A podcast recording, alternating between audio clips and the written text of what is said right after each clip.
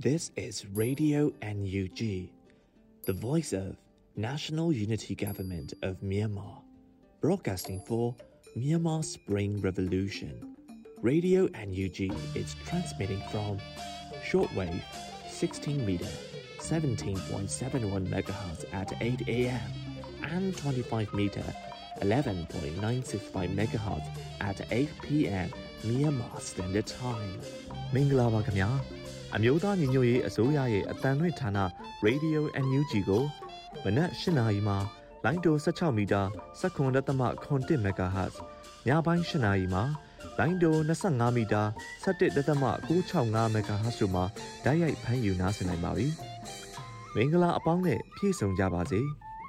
အခုချိန်ကစပြီး Radio NUG အစီအစဉ်တွေကိုဓာတ်ရိုက်အတန်လွှင့်ပေးနေပါပြီ။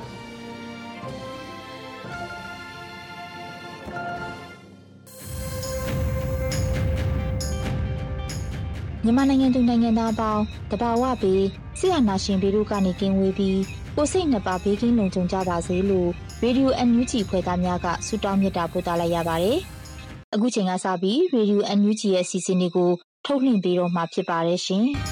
။ပထမဆုံးအနေနဲ့ကာကွယ်ရေးဝန်ကြီးဌာနရဲ့စီးရေးသတင်းအချင်းချုပ်ကိုမျိုးဦးလင်ကမှဖတ်ကြားတင်ပြပေးမှာဖြစ်ပါတယ်။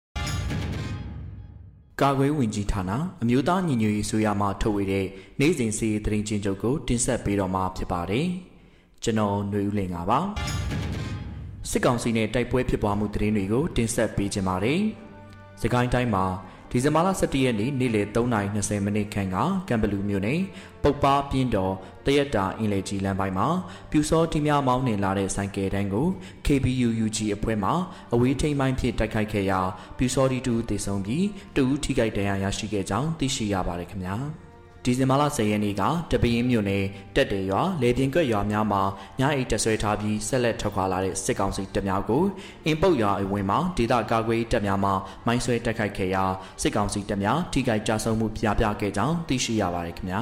မကွေးတိုင်းမှာဒီဇင်ဘာလ17ရက်နေ့ညနေ4:20ခန်းကစောမြို့နယ်ကြောက်ထုမြို့နယ်ရွှေအောင်သာကြားမှာစစ်ကောင်စီနဲ့ဒေသကာကွယ်ရေးဖွဲ့များတိုက်ပွဲဖြစ်ပွားခဲ့ကြောင်းသိရှိရပါတယ်ခင်ဗျာ။ ဒီဇင်ဘာလ17ရက်နေ့မနက်9:00နာရီခန့်ကမြိုင်မြို့နယ်တန်းနူတော်ရွာအနီးမှာမြိုင်မြို့နယ်ကျွော်များတအူ MVRF နဲ့စစ်ကောင်စီတပ်သားအင်အား90ခန့်အပြန်အလှန်ပစ်ခတ်မှုဖြစ်ပွားခဲ့ကြောင်းသိရှိရပါတယ်ခင်ဗျာစစ်ကောင်စီမှကျူးလွန်တဲ့ရာဇဝမှုတွေကိုတင်ဆက်ပေးကြပါမယ်။ စကိုင်းတိုင်းမှာဒီဇင်ဘာလ17ရက်နေ့ကကလေးမြို့နယ်ကြံသာရွာမှပြူစောထီများနဲ့စစ်ကောင်စီတပ်များကကြံသာရွာပြူစောထီများရဲ့စပားကင်းများကိုရိတ်သိမ်းပေးရန်ပတ်ဝန်းကျင်ရှိစပားရိတ်သိမ်းဆက်ပိုင်ရှင်များကိုဖိအားပေးခဲ့ပြီးမရိတ်သိမ်းပေးလျင်စပားရိတ်သိမ်းဆက်ပိုင်ရှင်ဦးတန်းထွန်းနေအိမ်ကိုမိရှို့ပစ်မယ်လို့ချင်းချောက်ပြောဆိုခဲ့ကြောင်းသိရှိရပါတယ်ခင်ဗျာ။ ဒီဇင်ဘာလ17ရက်နေ့မနက်10:00နာရီခန့်ကဝက်လက်မြို့နယ်ကြောက်ကုန်းရွာကန်ပြူစောတီများမှာအရတော်မြို့နယ်တလဲပါရွာမှပြူစောတီစစ်ကောင်စီတပ်များနဲ့ပူးပေါင်းပြီးကြောက်ကုန်းရွာရှိ NLD ထောက်ခံသူဦးတောင်းနိုင်ဦးကျော်လင်းနဲ့ဦးမြင့်သိန်းတို့ရဲ့နေအိမ်များကိုမိရှို့ပျက်စီးခဲ့ကြောင်းသိရှိရပါတယ်ခင်ဗျာ။ ဒီဇင်ဘာလ10ရက်နေ့ညပိုင်းကရေဦးမြို့နယ်မိမောင်းကုန်းရွာဖုံးကျောင်းမှာရောက်ရှိတက်ဆွဲထားတဲ့စစ်ကောင်စီတပ်အင်အား80ခန့်မှာရွာဘေးပတ်ဝန်းကျင်သို့လက်နက်ကြီးလက်နက်ငယ်များနဲ့ရန်တမ်းပစ်ခတ်ခဲ့ကြောင်းသိရှိရပါတယ်ခင်ဗျာ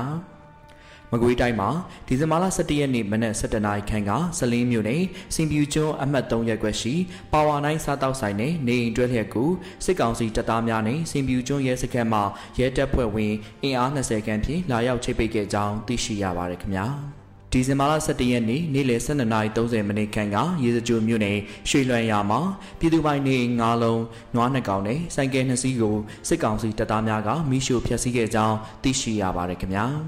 ဒီဇင်ဘာလ10ရက်နေ့ညနေပိုင်းကမြိုင်မြို့မြောက်ဘက်ရှိရွာသားရေးရွာဦးဖုံကျောင်းတွင်စခန်းချထားတဲ့စစ်ကောင်စီတပ်သားများဟာရွာတွင်းသို့ဝင်ရောက်က နေများကိုဝင်ရောက်ရှာဖွေခဲ့ကြပြီးပြည်သူပိုင်နေများတွင်းမှပစ္စည်းများအိမ်မွေးချက်များကုံစုံဆိုင်များမှအစားတောက်ပစ္စည်းများကိုယူရောက်စားတောက်သွားခဲ့ကြောင်းသိရှိရပါတယ်ခင်ဗျာ။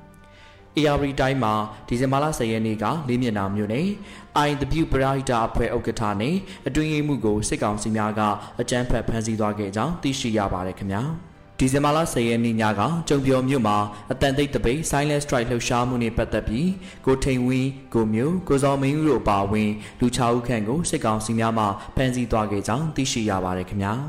ပဲခူးတိုင်းမှာဒီဇင်ဘာလ10ရက်နေ့ညပိုင်းကနတလင်းမြို့မှာပြုလုပ်တဲ့အတန်တိတ်တပိတ်လှုပ်ရှားမှုမှတ်တမ်းတပ်ပုံကိုဒရုန်းဖြင့်ရိုက်ခဲ့ခြင်းကြောင့်စစ်ကောင်စီမှကိုဖိုးဆိုင်ကိုတနက်ဖြစ်ပစ်ခတ်ဖမ်းဆီးခဲ့ကြောင်းသိရှိရပါတယ်ခင်ဗျာ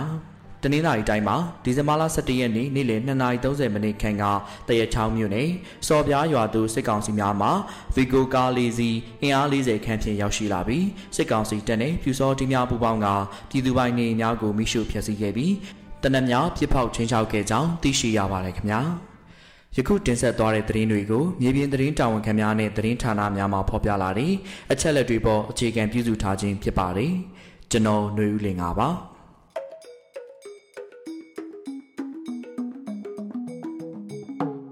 ဆက်လက်ပြီးနားဆင်ကြရမှာကတော့ပြည်တွင်းသတင်းများဖြစ်ပါတယ်။မျိုးဦးမောင်မှဖတ်ကြားတင်ပြပေးပါမယ်ရှင်။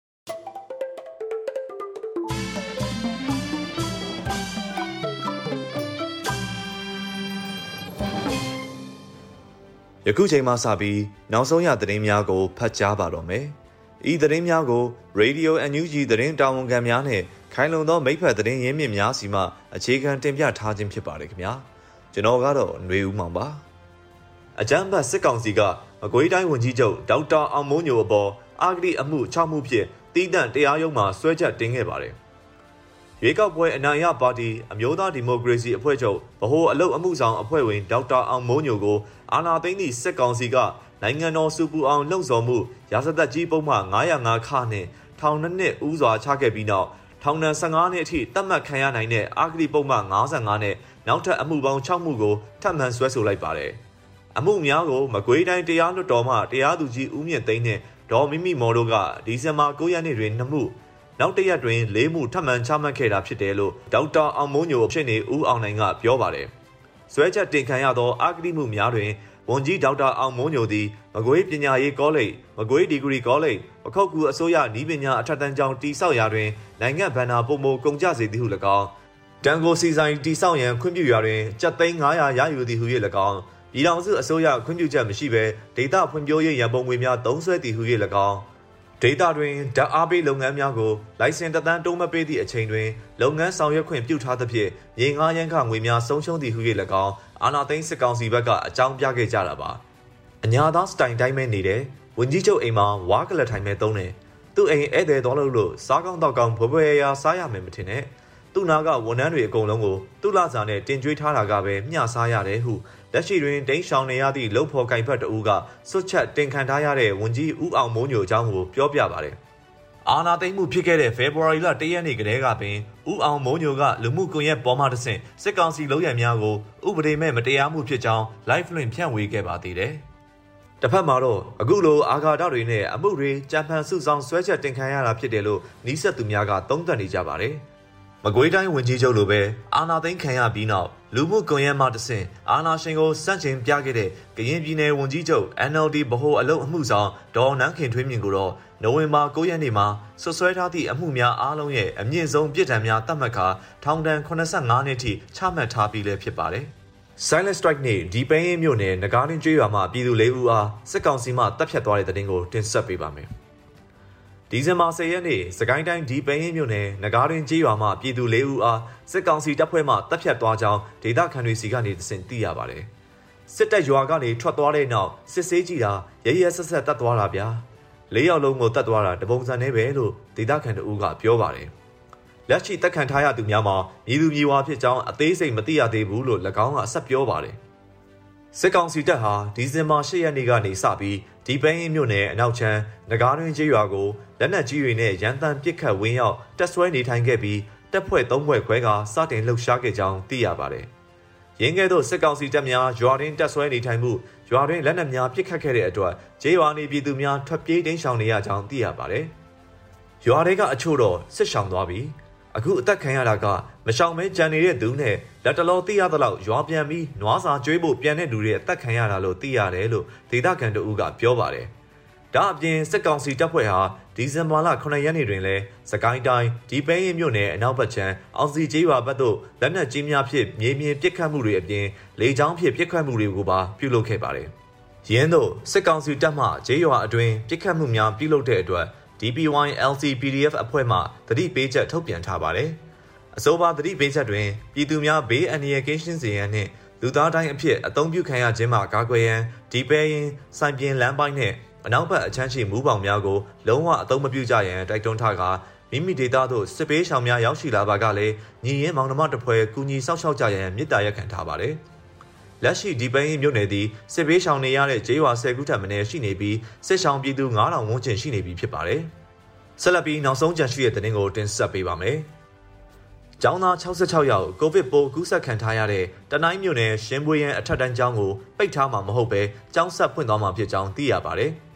တနိုင်းမြို့နယ်ရှင်ပွေရန်မြို့အထက်တန်းကျောင်းတွင်ဒီဇင်ဘာလ9ရက်နေ့ကကျောင်းဆရာတအူးထံမှကိုဗစ်ပိုးစတင်စစ်ဆေးတွေ့ရှိခဲ့ပြီးနောက်ကျောင်းသူကျောင်းသားများအားဆက်လက်စစ်ဆေးခဲ့ရာကျောင်းသားကျောင်းသူ66ဦးကျောင်းသားမိဘ19ဦးအထိကိုဗစ်ပိုးကူးစက်ခံရကြောင်းသိရပါတယ်။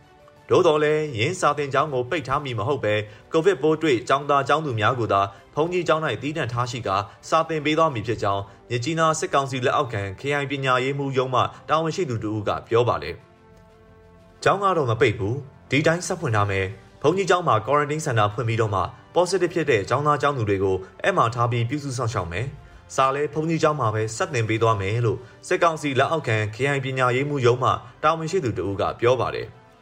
ကျန်းရှိတဲ့ကျောင်းသားကျောင်းသူများကိုလည်းကိုဗစ်ပိုးစစ်ဆေးပေးသွားမှာဖြစ်ပြီးကိုဗစ်ပိုးကင်းစင်တဲ့ကျောင်းသားကျောင်းသူများမှာစာသင်ကျောင်းတွင်ပုံမှန်အတိုင်းကျောင်းတက်ရမည်ဖြစ်ကြောင်းသိရပါတယ်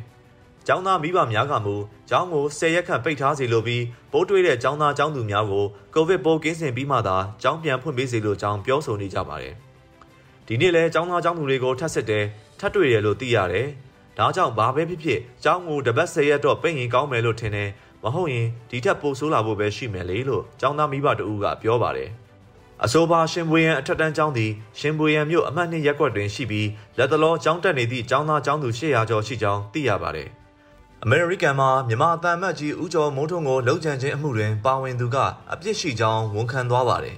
။လှုပ်ကြံရန်အမှုတွင် ပါဝင်ခဲ့သူရဲဟိန်းစော်ကအပြစ်ရှိကြောင်းဝန်ခံထွက်ဆိုသွားတာဖြစ်ပြီးလာမယ့်မေလ10ရက်နေ့မှာအမိန့်ချမယ်လို့သိရပါတယ်။နယူးယောက်တောင်ပိုင်းခရိုင်တရားရုံးကဒီဇင်ဘာ10ရက်တွင်သတင်းထုတ်ပြန်ပါတယ်။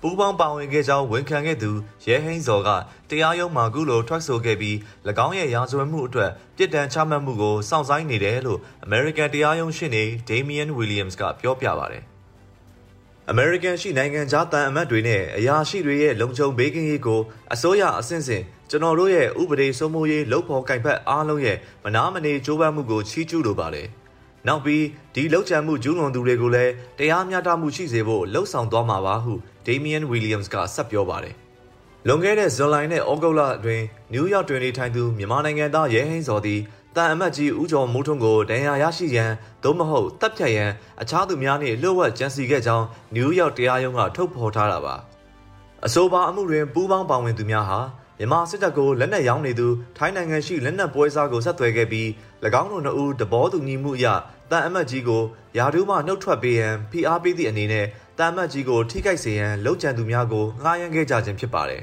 ။အာနာသိန်းခံရတဲ့ရွေးကောက်ခံအစိုးရရဲ့တရားဝင်တန်အမတ်ကြီးနေရာကမနှုတ်ထွက်ပါကတပ်ဖြတ်ရန်ထိုင်းချီလက်နက်ပွဲစားကစေခိုင်းသည်ဟုတရားရုံးကထုတ်ပြန်ပါတယ်။လက်နက်ပွဲစားဆိုသူမှာထိုင်းနိုင်ငံတွင်နေထိုင်ပြီးအာနာသိန်းခေါင်းဆောင်မင်းအောင်လှိုင်ဝနမောင်လွင်တို့နှင့်ရင်းနှီးသူအေကိုဆိုသူဖြစ်ပါတယ်။ အေကိုသည်မြန်မာပြည်စစ်တပ်အာဏာပိုင်အဆက်ဆက်နှင့်ရင်းနှီးသောဆက်ဆံရေးရှိပြီးကရင်ပြည်နယ်မွန်ပြည်နယ်တို့တွင်လည်းနာမည်ဆိုးဖြင့်ကြော်ကြားသည့်လန်ဒရာလုပ်ငန်းများကိုလုပ်ပိုင်ခွင့်ရထားပါတယ်။ဝန်ခံခဲ့သူရဲဟင်းစော်မှပူးပေါင်းကြံစီသူကိုဆက်သွယ်ကငွေလဲ application မှတဆင့်ဒေါ်လာ4000လွှဲပြောင်းခဲ့ပါတယ်။ထို့နောက်လုံခြံရန်အစီအစဉ်များကိုဆွေးနွေးကနောက်ထပ်ဒေါ်လာ1000ထပ်လွှဲရန်သဘောတူညီခဲ့ပါတယ်။ အဆိုပါလောက်ကျန်မှုနှင့်ပတ်သက်၍အမြင့်ဆုံးထောင်ဒဏ်9နှစ်အထိချမှတ်ခံနိုင်ရပြီးလာမယ့်2022မေလ10ရက်နေ့တွင်ရဲဟိန်းစော်ကိုအမိန့်ချမှတ်ရန်ချိန်ဆထားကြောင်းသိရပါတယ်။ရဲဟိန်းစော်သည်မြန်မာပြည်မှာစစ်တပ်အာဏာသိမ်းခဲ့ပြီးနောက်ပိုင်းအမေရိကသို့ထွက်ခွာသွားခြင်းဖြစ်ပြီး၎င်းဖခင်ဖြစ်သူမှာလောက်ကျန်မှုတွင်ဦးဆောင်သူတဦးဖြစ်တဲ့လက်နက်ပွဲစားအေးကုန်နှင့်ရင်းနှီးသူဖြစ်ကြောင်းသိရပါတယ်။တနင်္သာရီတိုင်းပလောမြို့တွင်စစ်ကောင်စီကရွာသားများကိုလူသားတိုင်းအဖြစ်တုံးချခဲ့ကြပါတယ်။ ဗိတ်ခရိုင်ပလောမြို့နယ် KNU ထိန်းချုပ်နယ်မြေအတွင်းရှိဒူရင်ပင်ရှောင်ရွာအတွင်းနဲ့မြို့ဟောင်းရွာကျေးရွာအနီးသို့ဒီဇင်ဘာ17ရက်နနက်ပိုင်းနဲ့နေ့လယ်ပိုင်းတွင်စစ်ကောင်စီကကျူးကျော်ဝင်ရောက်လာကြပါတယ်။၎င်းနယ်မြေမှာပြည်သူ့ကာကွယ်ရေးတပ်မတော်ပလောတပ်ဖွဲ့ဝင်များလှုပ်ရှားရာဒေသဖြစ်ပြီးစစ်ကောင်စီတပ်အင်အားတရာနီးပါးဖြင့်ရွာအတွင်းဝင်ရောက်လာချိန်တွင်ပြည်သူ့ကာကွယ်ရေးတပ်မတော်ပလော KNU နှင့် PRDF ပူးပေါင်းအဖွဲ့တို့ကခုခံတော်လှန်ရာမှတိုက်ပွဲတရက်ပေါ်ပေါက်ခဲ့ပါတယ်။ ဒီဇင်ဘာ17ရက်နေ့နက်9နာရီခွဲမှစတင်က9နာရီခွဲအထိ2နာရီကြာအပြန်အလှန်တိုက်ပွဲဖြစ်ခဲ့ကြပါတယ်။တိုက်ပွဲတွင်လက်နက်ကြီးငယ်များဖြင့်ပစ်ခတ်မှုရှိခဲ့ပြီးစစ်ကောင်စီဘက်မှ3ဦးသေဆုံးကပြည်သူ့ကာကွယ်ရေးတပ်ဘက်က2ဦးဒဏ်ရာအနည်းငယ်ရရှိခဲ့ကြောင်းသိရပါတယ်။ တိုက်ပွဲအပြီးတွင်စစ်ကောင်စီတပ်ကဒေသခံရွာသားအမျိုးသားအမျိုးသမီးနဲ့ကလေးငယ်အပါအဝင်စုစုပေါင်းလူ30ဦးခန့်ကိုဖမ်းဆီးကာလူသားတိုင်းပြုလုပ်ပြီး KNU နယ်မြေအတွင်းဝင်ရောက်လာကြောင်းပလောပြည်သူ့ကာကွယ်ရေးတပ်မတော်သတင်းနဲ့ပြန်ကြားရေးတာဝန်ခံကပြောပြပါတယ်။မနက်ပိုင်းကတော့တိုက်ပွဲပြင်းထန်တယ်။သူတို့ဘက်က3ဦးကြာသွားတယ်။အခုနေ့လယ်ပိုင်းတိုက်ပွဲပြန်စားဖြစ်တော့စစ်ကောင်စီကဖမ်းထားတဲ့ပြည်သူ30ဦးကိုလူသားတိုင်းကအနေနဲ့ပြုတ်လုထားတော့ကျွန်တော်တို့အဖွဲ့ပြန်ပြစ်ခတ်ဖို့ခက်ခဲနေတယ်လို့သူကဆိုပါတယ် ထို့သောရွာသားများကိုလူသားတိုင်းအဖြစ်ဖမ်းဆီးကာကွယ်ပြုနေသည့်အပြင်ရွာသားအချို့ကိုရိုက်နှက်မှုများလည်းရှိကြောင်းအဆိုပါတာဝန်ခံကပြောပါတယ်ဒီဇင်ဘာလ17ရက်နေ့နေ့လယ်3နာရီခွဲခန့်ကရရှိတဲ့သတင်းအရလူရဲပင်ရှောင်ရွာတွင်စစ်ကောင်စီမှတပ်ဆွဲထားပြီးလက်နက်ကြီးတဲဆောင်လာတဲ့ရင်များလည်းရောက်ရှိအင်အားဖြည့်နေကြောင်းသိရပါတယ်ခင်ဗျာ။ယခုတင်ဆက်ပေးခဲ့တာကတော့ဒီဇင်ဘာ17ရက်နေ့ရပြည်တွင်သတင်းများပဲဖြစ်ပါတယ်ကျွန်တော်ကတော့ຫນွေဦးမောင်ပါ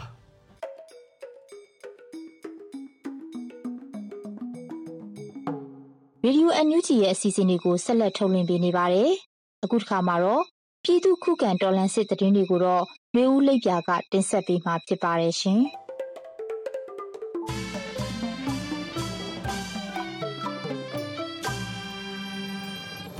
ထမဆုံးအနေနဲ့မင်းကင်းမြို့နယ်မှာ PDF ပူးပေါင်းအဖွဲ့၏တိုက်ခိုက်မှုကြောင့်စစ်ကောင်စီတပ်များအထိခိုက်များခဲ့တဲ့သတင်းတင်ဆက်ပေးမှာပါ။ စကိုင်းတိုင်းမင်းကင်းမြို့နယ်တွင်မင်းကင်းမြို့နယ်အခြေဆိုင် PDF တောင်တွင်းနှင့် PDF ကနီပူးပေါင်းတိုက်ခိုက်မှုကြောင့်စစ်ကောင်စီတပ်များအသေးအပြောက်အလွန်များပြားနေကြောင်းသက်ဆိုင်ရာဒေသကာကွယ်ရေးတပ်များကသတင်းထုတ်ပြန်ပါတယ်။မင်းကင်းမြို့နယ်တောင်တွင်း PDF ကနီ PDF ပူးပေါင်းနှင့်စစ်ကောင်စီတပ်များဒီဇင်ဘာ9ရက်နေ့နှင့်ဒီဇင်ဘာ10ရက်နေ့တွင်တိုက်ပွဲဖြစ်ပွားခဲ့ကြောင်းဒီဇင်ဘာ9ရက်နေ့မှာခလေးဝ ရာကြီးလမ်းမှအာရှလမ်းကြီးမှတက်လာသည့်စစ်ကောင်စီတပ်များကို68မိုင်နဲ့86နှစ်နေရာတွင်မိုင်းခွဲတိုက်ခိုက်ခဲ့ပြီးတိုက်ပွဲဖြစ်ပွားခဲ့ကြောင်းအဆိုပါတိုက်ပွဲတွင်စစ်ကောင်စီတပ်သားအနည်းဆုံး30ခန့်သေဆုံးခဲ့ကြောင်းသိရှိရပါသည်အလားတူဒီဇင်ဘာ10ရက်နေ့တွင်ကလေးဝရာကြီးလမ်းမှအတိုင်းတက်လာသည့်စကားလေးစီးကို85မိုင်တွင်မိုင်းခွဲတိုက်ခိုက်ခဲ့ပြီးပြစ်ခတ်မှုများလှုံ့ဆော်ခဲ့ကြောင်း အဆိုပါတိုက်ပွဲတွင်လည်းစစ်ကောင်စီတပ်သား30ဦးခန့်သေဆုံးခဲ့ကြောင်းသိရှိရတာပါပြည်သူများအနေဖြင့်ကလေးဝရာကြီးလမ်းမကိုအုံမပြုနိုင်ရန်နှင့်စစ်တပ်ကနေမြေရှင်းလင်းရေးဟုအမိခံကကြေးရွာများကိုဝင်ရောက်စီးနှင်နိုင်သဖြင့်ခလေးဝရာကြီးလမ်းမဘေးကြေးရွာများတိမ်းရှောင်ကြရန်အတိပေးထုတ်ပြန်ထားပါတယ်ရှင်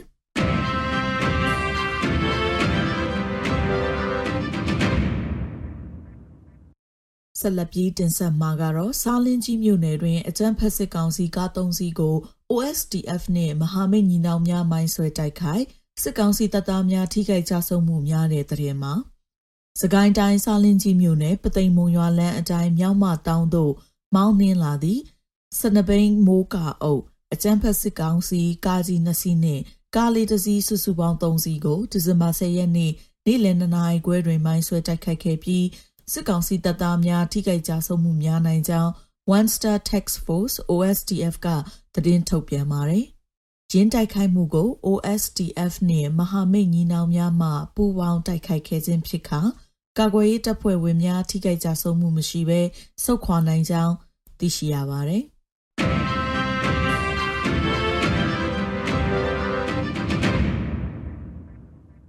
ဆက်လက်ပြီးပုလောမှာစစ်ကောင်စီတပ်နဲ့ KNU PDF ပူးပေါင်းတပ်များတိုက်ပွဲဖြစ်ပွားကကနဦးသတင်းအရစစ်တပ်ဘက်မှ3ဦးသေဆုံးတဲ့သတင်းတင်ဆက်ပေးမှာပါ။တနင်္လာရီတိုင်းမြိတ်ခရိုင်ပုလောမြို့နယ်က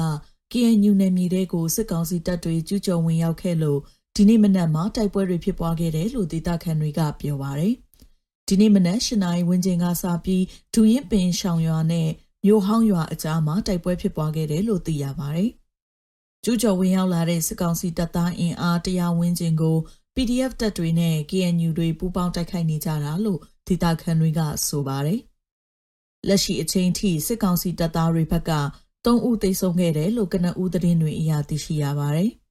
စစ်ကောင်စီတပ်သားတွေကဒူရင်ပင်ရှောင်ရွာသား30ဝန်းကျင်ကိုဖမ်းဆီးထားပြီးနှိပ်စက်မေးမြန်းတာတွေလှုပ်ဆောင်နေတယ်လို့ဒေသခံတွေကဆိုပါတယ်ရှင်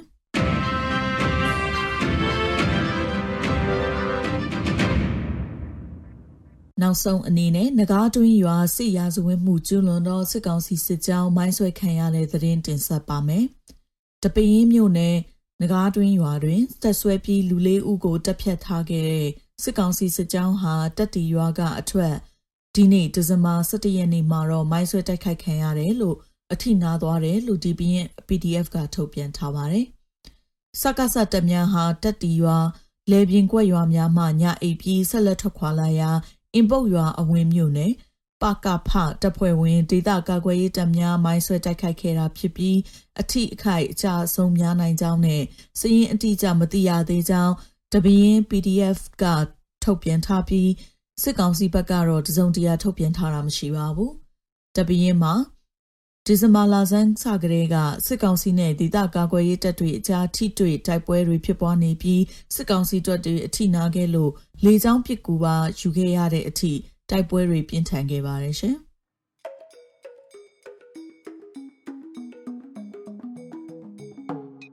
ပြလက်ပြီးနားဆင်ကြရမှာကတော့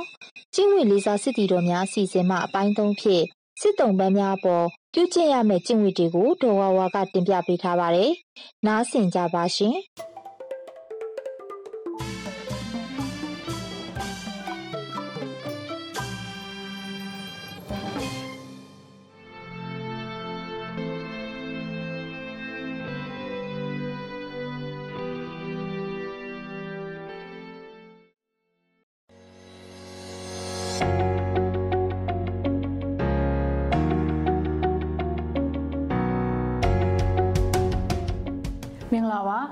အခုနောက်ပိုင်းအကြံဖက်စက်ကောင်စီရဲ့အပေါင်းပါအချို့ကပြည်သူစစ်တီတော်တွေရှေ့မှာလက်နက်ချပူပေါင်းလာကြတာတွေကိုခက်စိတ်စိတ်မြင်တွေ့ကြားသိနေရပါတယ်။အဲ့ဒီလိုလက်နက်ချလာတဲ့သူတွေအပေါင်းအပါတွေအညံ့ခံလာသူတွေစစ်တုံးပန်းတွေနဲ့ပတ်သက်ပြီးတော့ဘယ်လိုစစ်ဆန်ရမလဲဆိုတာကိုကာကွယ်ရေးဝန်ကြီးဌာနကပြည်သူစစ်တီတော်ကျင့်ဝတ်တွေထဲမှာထည့်သွင်းဖော်ပြထားပါတယ်။အဲ့ဒီထဲကအပိုက်နှစ်ပိုက်အကြောင်းကိုရှင်းလင်းတင်ပြခြင်းပါတယ်။ ပထမဦးဆုံးဆွေးနွေးတင်ပြခြင်းတဲ့အပိုက်တစ်ခုကတော့လက်နစ်ချအညံ့ခံသူများနဲ့စစ်တုံးပန်းများအားနှိပ်စက်ခြင်းနဲ့တပ်ဖြတ်ခြင်းမပြုရဆိုတဲ့အပိုက်ပါလက်နက်ကင်တော်လန်နေကြတာဖြစ်တဲ့အတွက်တစ်ဖက်နဲ့တစ်ဖက်ပြက်ခတ်တပ်ဖြတ်မှုတွေကတော့ရှိနေမှာပဲဖြစ်ပါတယ်စစ်ပွဲမှာဘလို့ပဲတိုက်ခိုက်ခဲ့ကြသည်ဖြစ်စေလက်နစ်ချအညံ့ခံလာတဲ့သူတွေဒီစစ်တုံးပန်းတွေအပေါ်စစ်ဆန်တဲ့အခါမှာလူသားချင်းစာနာမှုပြတဲ့ပုံစံမျိုးဖြစ်ဖို့လိုအပ်ပါတယ်။ အဲ့ဒီအပြင်အဲ့လိုလူတွေအပေါ်ကိုနှိပ်စက်တာတပ်ဖြတ်တာမျိုးမပြုလုပ်ဖို့လည်းအရေးကြီးပါတယ်။ဒါတွေနဲ့ပတ်သက်ပြီးတော့ Geneva Convention မှာလည်းဖော်ပြထားပြီးဖြစ်ပါတယ်။အဲ့ဒီလိုကိုယ်စီကိုလက်နက်ချအညံ့ခံလာတဲ့သူတွေအပေါ်လူလူချင်းလေးစားကြောင်းလူလူချင်းစာနာကြောင်းပြသနိုင်မယ်ဆိုလို့ရှိရင်နောက်ထပ်လက်နက်ချပူပေါင်းလာတဲ့သူတွေပို့ပြီးတော့များပြားလာနိုင်ပါတယ်။နောက်ထပ်အပိုက်တစ်ခုကတော့ မိသားစုတွေထံအမြန်ဆုံးအသိပေးအကြောင်းကြားခြင်းကျန်းမာရေးစောင့်ရှောက်မှုပေးခြင်းချုပ်နှောင်ထားရှိရန်လိုအပ်ပါကအမျိုးသားနဲ့အမျိုးသမီးတည်တံ့ခွဲခြားချုပ်နှောင်ထားခြင်းပြုရမည်ဆိုတဲ့အပိုက်ပါဖန်ဆီးထားတဲ့အချိန်မှာလည်းသူတို့ရဲ့မိသားစုတွေနဲ့ဆက်တွယ်ဖို့နဲ့လိုအပ်ရင်လူသားချင်းစာနာမှုဆိုင်ရာအကူအညီပေးနေတဲ့အဖွဲ့တွေနဲ့ချိတ်ဆက်ပြီးကျန်းမာရေးစောင့်ရှောက်မှုတွေပေးဖို့လိုအပ်ပါတယ်။အဲ့ဒီအပြင်ဖန်ဆီးခဲ့တဲ့လူတွေထဲမှာ အမျိုးသမီးတွေပါဝင်ခဲ့တယ်ဆိုလို့ရှိရင်အမျိုးသမီးအမျိုးသားတည်တံ့ခွဲခြားချုပ်နှောင်ထားဖို့လိုအပ်ပါတယ်။ဒါကြောင့်ကာကွယ်ရေးဝန်ကြီးဌာနအောက်မှာရှိတဲ့ပြည်သူ့ကာကွယ်ရေးစစ်တီတော်တွေအနေနဲ့အထက်ပါကျင့်ဝတ်တွေကိုလိုက်နာခြင်းအပြင်ပြည်တွင်းသားမကနိုင်ငံတကာကျင့်ဝတ်တွေကိုပါလေးစားလိုက်နာရရောက်ကြောင်းပြသနိုင်မှာဖြစ်ပါတယ်။လူရဲလို့ပြည့်ညက်ခံရပေမဲ့ လူလူချင်းနှိပ်စက်တက်ဖြတ်နေကြတဲ့လူစိတ်မရှိတဲ့သူတွေကိုတော်လန်နေကြချိန်မှာလူသားချင်းစာနာကြောင့်လူပီတကြောင့်ပြသရင်အဆုံးထိတိုက်ပွဲဝင်ကြပါစို့အရေးတော်ဘုံမုတ်ချအောင်ရမည်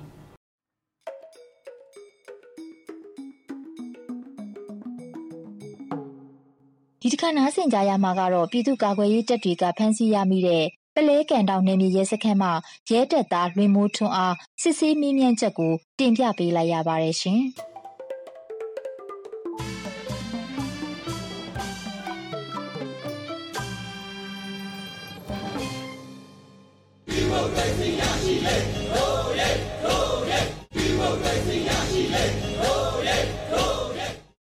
မင်းနာမည်ဘယ်လိုခေါ်လဲလွန်မိုးထွန်းဗျလွန်မိုးထွန်းဟုတ်ပါဘူးဟုတ်ပြီမင်းမိသားဘယ်လိုလဲ ဒါပဲလို့ကလေးဝယ်ကောင်းမှာတကယ်လားခေဝဲလက်ရည်လက်ထုံထုံဝယ်ဟုတ်ကဲ့ထုံထုံဝယ်မင်းမှာကိုပိုင်မှတ်တွေပါလေဟုတ်လားကိုပိုင်မှတ်ကလာစနစ်ကောင်ကကြောက်ညာနဲ့မင်းဘယ်စကားမှတာဝန်ထမ်းဆောင်ပါလဲကိုကန်းအောင်ထမ်းပါဗျမင်းမွေးချင်းကြီးကိုမောင်တော့ဘယ်နှစ်ယောက်ရှိရလဲနှစ်ယောက်ရှိရဗျနှစ်ယောက်ရှိဟုတ်မင်းစက်ကောင်စီနဲ့ပတ်သက်တဲ့အလုပ်တွေကိုဘာတွေအပရတော့ပြုခဲ့တယ်လဲဒီကျွန်တော်တို့နယ်မြေစကမ်းမှာပဲနေတယ်စကြောင်းထွက်တာမနေ့မှတစ်ခါလိုက်ဘူးလေအဲ့ဒါပဲဗျနယ်မြေနဲ့ပတ်သက်ပြီးမှဘာတွေကိုဒုက္ခပေးအောင်လုပ်ဘူးလဲ အဲ့လိုမျိုးတော့တိုင်းမလုပ်ခဲ့ဘူးဗျသူတို့စစ်ကြောင်းထွက်တဲ့ခါတော့တော့သူတို့အဲ့အိမ်ကြီးသွားမှုကြတော့နောက်ပိုင်းကျတော့သိရတယ်ဗျอืมသိရတယ်ဆိုတော့မင်းကိုယ်တိုင်လမ်းပြခဲ့တာလားမပြခဲ့ဘူးဗျဒါပေမဲ့ကျွန်တော်ပါလာတော့ကျွန်တော်လမ်းပြတယ်လို့ပြောချင်တယ်ဗျအဲ့ဒါဘယ်သူကထင်တာလဲဟိုအခုကဟိုခင်းနေတော့ဖေတို့မေတို့ပြောပြပါရွာပြောနေတယ်ဟောမင်းကမှဥစောတဲ့တို့အိမ်တွေပါတွားမွေတဲ့ထဲမင်းပါလာတဲ့အားနဲ့ကျွန်တော်ထွက်ချလာဝတ်စုံတွေရော ကိုယ်ဆောင်လည်းအကုန်လုံးထားပြတယ်ဗျ အကုန်လုံးထားခဲ့တယ် ဟုတ် โอเค ဟုတ် ဟုတ်ပြီမင်းအဲ့ဒါဆိုလို့ရှိရင်မင်းခုမင်းသိတဲ့ပတ်ဝန်းကျင်ကနေပြီးတော့မင်းကိုအခုလိုမျိုးမင်းရဲ့အသက်ကိုထိုက်တဲ့နဲ့ကဲတင်မှုပြုလုပ်နိုင်ကြတယ်ဆိုတာမင်းယုံကြည်တယ်နော် ဟုတ် โอเคဟုတ်ပြီအဲ့ဆိုလို့ရှိရင်မင်းကိုယ်ပိုင်နာမည်လေးတစ်ချက်တော့ပြန်ပြောပေးဦး လာနှစ်ခွန်က63ညနဲ့ လာနှစ်ခွန်ကကျွန်တော်မင်းတောင်ဝန်ထမ်းဆောင်တာက ကန်တောင် ကန်တောင်ရဲစခန်းမှာဆန်းဆောင်တယ်နော် ခွန်က โอเค 63ညနဲ့ ဟုတ်ပြီ ဟုတ် ဟုတ်ပြီဟုတ်ပြီမင်းဒီကနေပြီးတော့ဆက်ပြီးတော့ဒီမှာအေးချင်းချင်းနေမှာမဟုတ်ဘူးလား ဟုတ်နေပါဗျ ငါတို့ပြည်သူကနေမင်းတို့ပေါ်မှာမေတ္တာမပြတ်ဘူးဆိုတာမင်းယုံကြည်တယ်နော် ဟုတ်ယုံကြည်ရဗျ โอเคမင်းတို့ဒီကနေပြီးတော့တို့ပြည်သူတွေကိုအမျိုးမျိုးတပ်ဖြတ်ခဲ့တယ်ဆိုတဲ့သတင်းတွေရောမင်းကြားလား ကြားခဲ့တယ်ဗျ မနေ့က9ရက်နေ့မှာလည်း17ယောက်မိရှုတက်တာမင်းသိတယ်နော် မနေ့ကမကြားဘူးဗျငါကတော့အဲ့ဟိုဟာလုပ်တဲ့ရတယ်တတ်တယ်ဆိုပြီးကြားတယ် တော်တော်များများသိတယ်နော် ဟုတ် โอเคမင်းကားနဲ့တိုက်တက်တာတွေရောမင်းမကြားဘူးလားမင်းတို့အဲ့ဒီသတင်းတွေမရဘူးလား ကားနဲ့တိုက်သက်တာတော့မကြားဘူးဗျကျွန်တော်ဘက်ကအင်တာနက်လိုင်းအောင်ဖြတ်ထားတာဘာမှမသိမင်းတို့နဲ့ပတ်သက်လို့သတင်းမီဒီယာနဲ့ပတ်သက်ပြီးမင်းတို့ရဲစခန်းဘာတွေခွင့်ပြုပြီးအသိခွင့်ပေးလို့ကျွန်တော်တို့ဟိုဟာစစ်ကြောင်းထွက်ကနေမှစစ်ကြောင်းထွက်မယ်ဆိုလဲထွက်ကနေမှအတီးပေးတာရှိရဗျဟောစကြောင်းသွားမယ်ဆိုရင်လည်းသတိပေးတယ်မင်းတို့နဲ့ပတ်သက်တဲ့ကျန်တာတွေဘာမှအသိခွင့်မရဘူးလားကျန်တဲ့ဘက်ကအတီးခွင့်မရဘူးမင်းတို့ရဲတွေကလည်းငါတို့ပြည်သူတွေဒုက္ခပေးတာအဲ့လိုပဲပြောနေတာလားဟောပြောပါဦးဗျဟုတ်ပြီငါတို့ပြည်သူတွေလည်းမင်းတို့ပေါ်မှာမေတ္တာမပြတ်ဘူးနော်ဟုတ်ကဲ့ဗျဒီအခုငါတို့ကမင်းတို့ပေါ်မှာနှိမ့်ဆက်မှုရှိခဲ့လား မရှိခဲ့ဘူးဗျ မင်းတို့ကောင်းမွန်ဆုံးငါတို့ကဒီကိုပို့ခဲ့တာနော် ဟုတ်ကဲ့ဗျ โอเคဟုတ်ပြီနေ့ဒီစစ်ဒီရဲဝန်တန်းတာဝန်ကိုဘယ်လောက်ဘယ်လောက်ကြာပြီလဲတောင်းရခဲ့တာ ကျွန်တော်နှစ်လက်ခွဲကြော်ကြီးဗျ နည်းနည်းခွဲကြော်ပြီ 2018ရှစ်လပိုင်း နေ့ပညာရေးရှင်းအောင်ဘယ်လောက်လဲ ကျွန်တော်ကဒုတိယနဲ့အောင်ပြီးဗျ ဒုတိယနဲ့အောင်ပြီဒုတိယနဲ့အောင်ပြီးမှမရဲတဲ့ဝင်ခဲ့တာလား ဟုတ်ဗျစရန်စရန်အောင်ပြီးရဝင်လာဗျ ဟိုဆရာအောင်ကြီးရဲတဲ့ရောက်ခဲ့တာဟုတ်ဒီနေ့ဘာလို့ဒီရဲဝန်တန်းကနေပြီးနှစ်နှစ်ကျော်ကျော်ကာလအတွင်းမှာဒီနေ့ဒီမတရားတဲ့စနစ်အတွင်းနေပြီဘာလို့ဖြစ်လို့စီရီယံလုပ်ဖို့မကြိုးစားခဲ့ရလဲ သူ တို့ကချုပ်ထားတယ်ဗျကျွန်တော်တို့စီရီယန်လောက်တယ်ဆိုလို့ရှိရင်ထောင်နဲ့30ချမယ်ဆိုပြီးတော့ဟောလောက်ထားတယ်အဲ့ဒါဆိုလို့ရှိရင်မင်းနေနဲ့မင်းမိဘတွေကတော့မင်းကိုဒီပြည်သူကိုဒုက္ခပေးတယ်လို့မင်းပြည်သူကမင်းပေါ်မှာတန်တရားရှိတယ်ဆိုတာမင်းကိုအကြောင်းကြားခဲ့တာမှန်တယ်နော်ဟုတ်ကဲ့ဗျအဲ့ဒါဆိုမင်းဘာဖြစ်လို့ထွက်ဖို့မကြိုးစားရလဲကျွန်တော်အခုမနေ့ကလည်းပြေးလာဟိုတစ်ခေါက်ကလည်းပြေးလာနောက်ကလိုက်ခေါ်တယ်ဗျဟိုလိုက်ခေါ်တယ်မင်းခုပြေတော့လက်နဲ့ပါခဲ့လားမပါခဲ့ဘူးဗျလက်နဲ့ရောထားပြီးကျွန်တော်ထွက်ချလာဗျဝတ်စုံတွေရောကိုယ်ဆောင်လည်းအကုန်လုံးထားပြီးတယ်ဗျ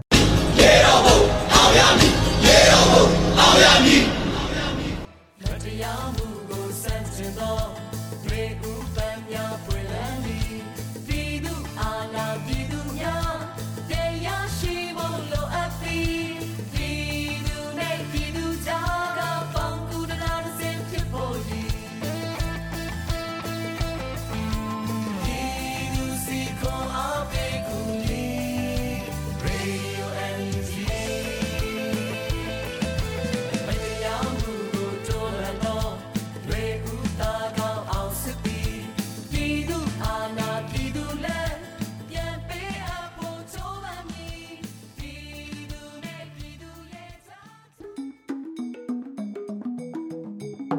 ကနေ့ကတော့ဒီညနေပဲ Radio NUG ရဲ့အစီအစဉ်တွေကိုခਿੱတရနာလိုက်ပါမယ်မြန်မာစံတော်ချိန်မနက်၈နာရီနဲ့ညနေ၈နာရီအချိန်တွေမှာပြန်လည်ဆုံတွေ့ကြပါစို့ Radio NUG ကိုမနက်၈နာရီမှာလိုင်းတို16မီတာ7.3 MHz ညပိုင်း၈နာရီမှာလိုင်းတို25မီတာ17.665 MHz တို့မှာဓာတ်ရိုက်ဖမ်းယူနားဆင်နိုင်ပါပြီမြန်မာနိုင်ငံသူနိုင်ငံသားများကိုယ်စိတ်နှပြကျန်းမာချမ်းသာလို့ ဘေးကင်းလုံခြုံကြပါစေလို့ Radio NUG အဖွဲ့သူအဖွဲ့သားများကဆုတောင်းလိုက်ရပါတယ်။အမျိုးသားညီညွတ်ရေးအစိုးရရဲ့စက်သွယ်ရေးတရင်အချက်အလက်နဲ့ဤပညာဝန်ကြီးဌာနကထုတ်လွှင့်နေတဲ့ Radio NUG ဖြစ်ပါတယ်။ San Francisco Bay Area အခြေစိုက်မြန်မာမိသားစုများနဲ့နိုင်ငံတကာကစေတနာရှင်များလှူအားပေးများရဲ့ Radio NUG ဖြစ်ပါတယ်။အရေးတော်ပုံအောင်ရမည်။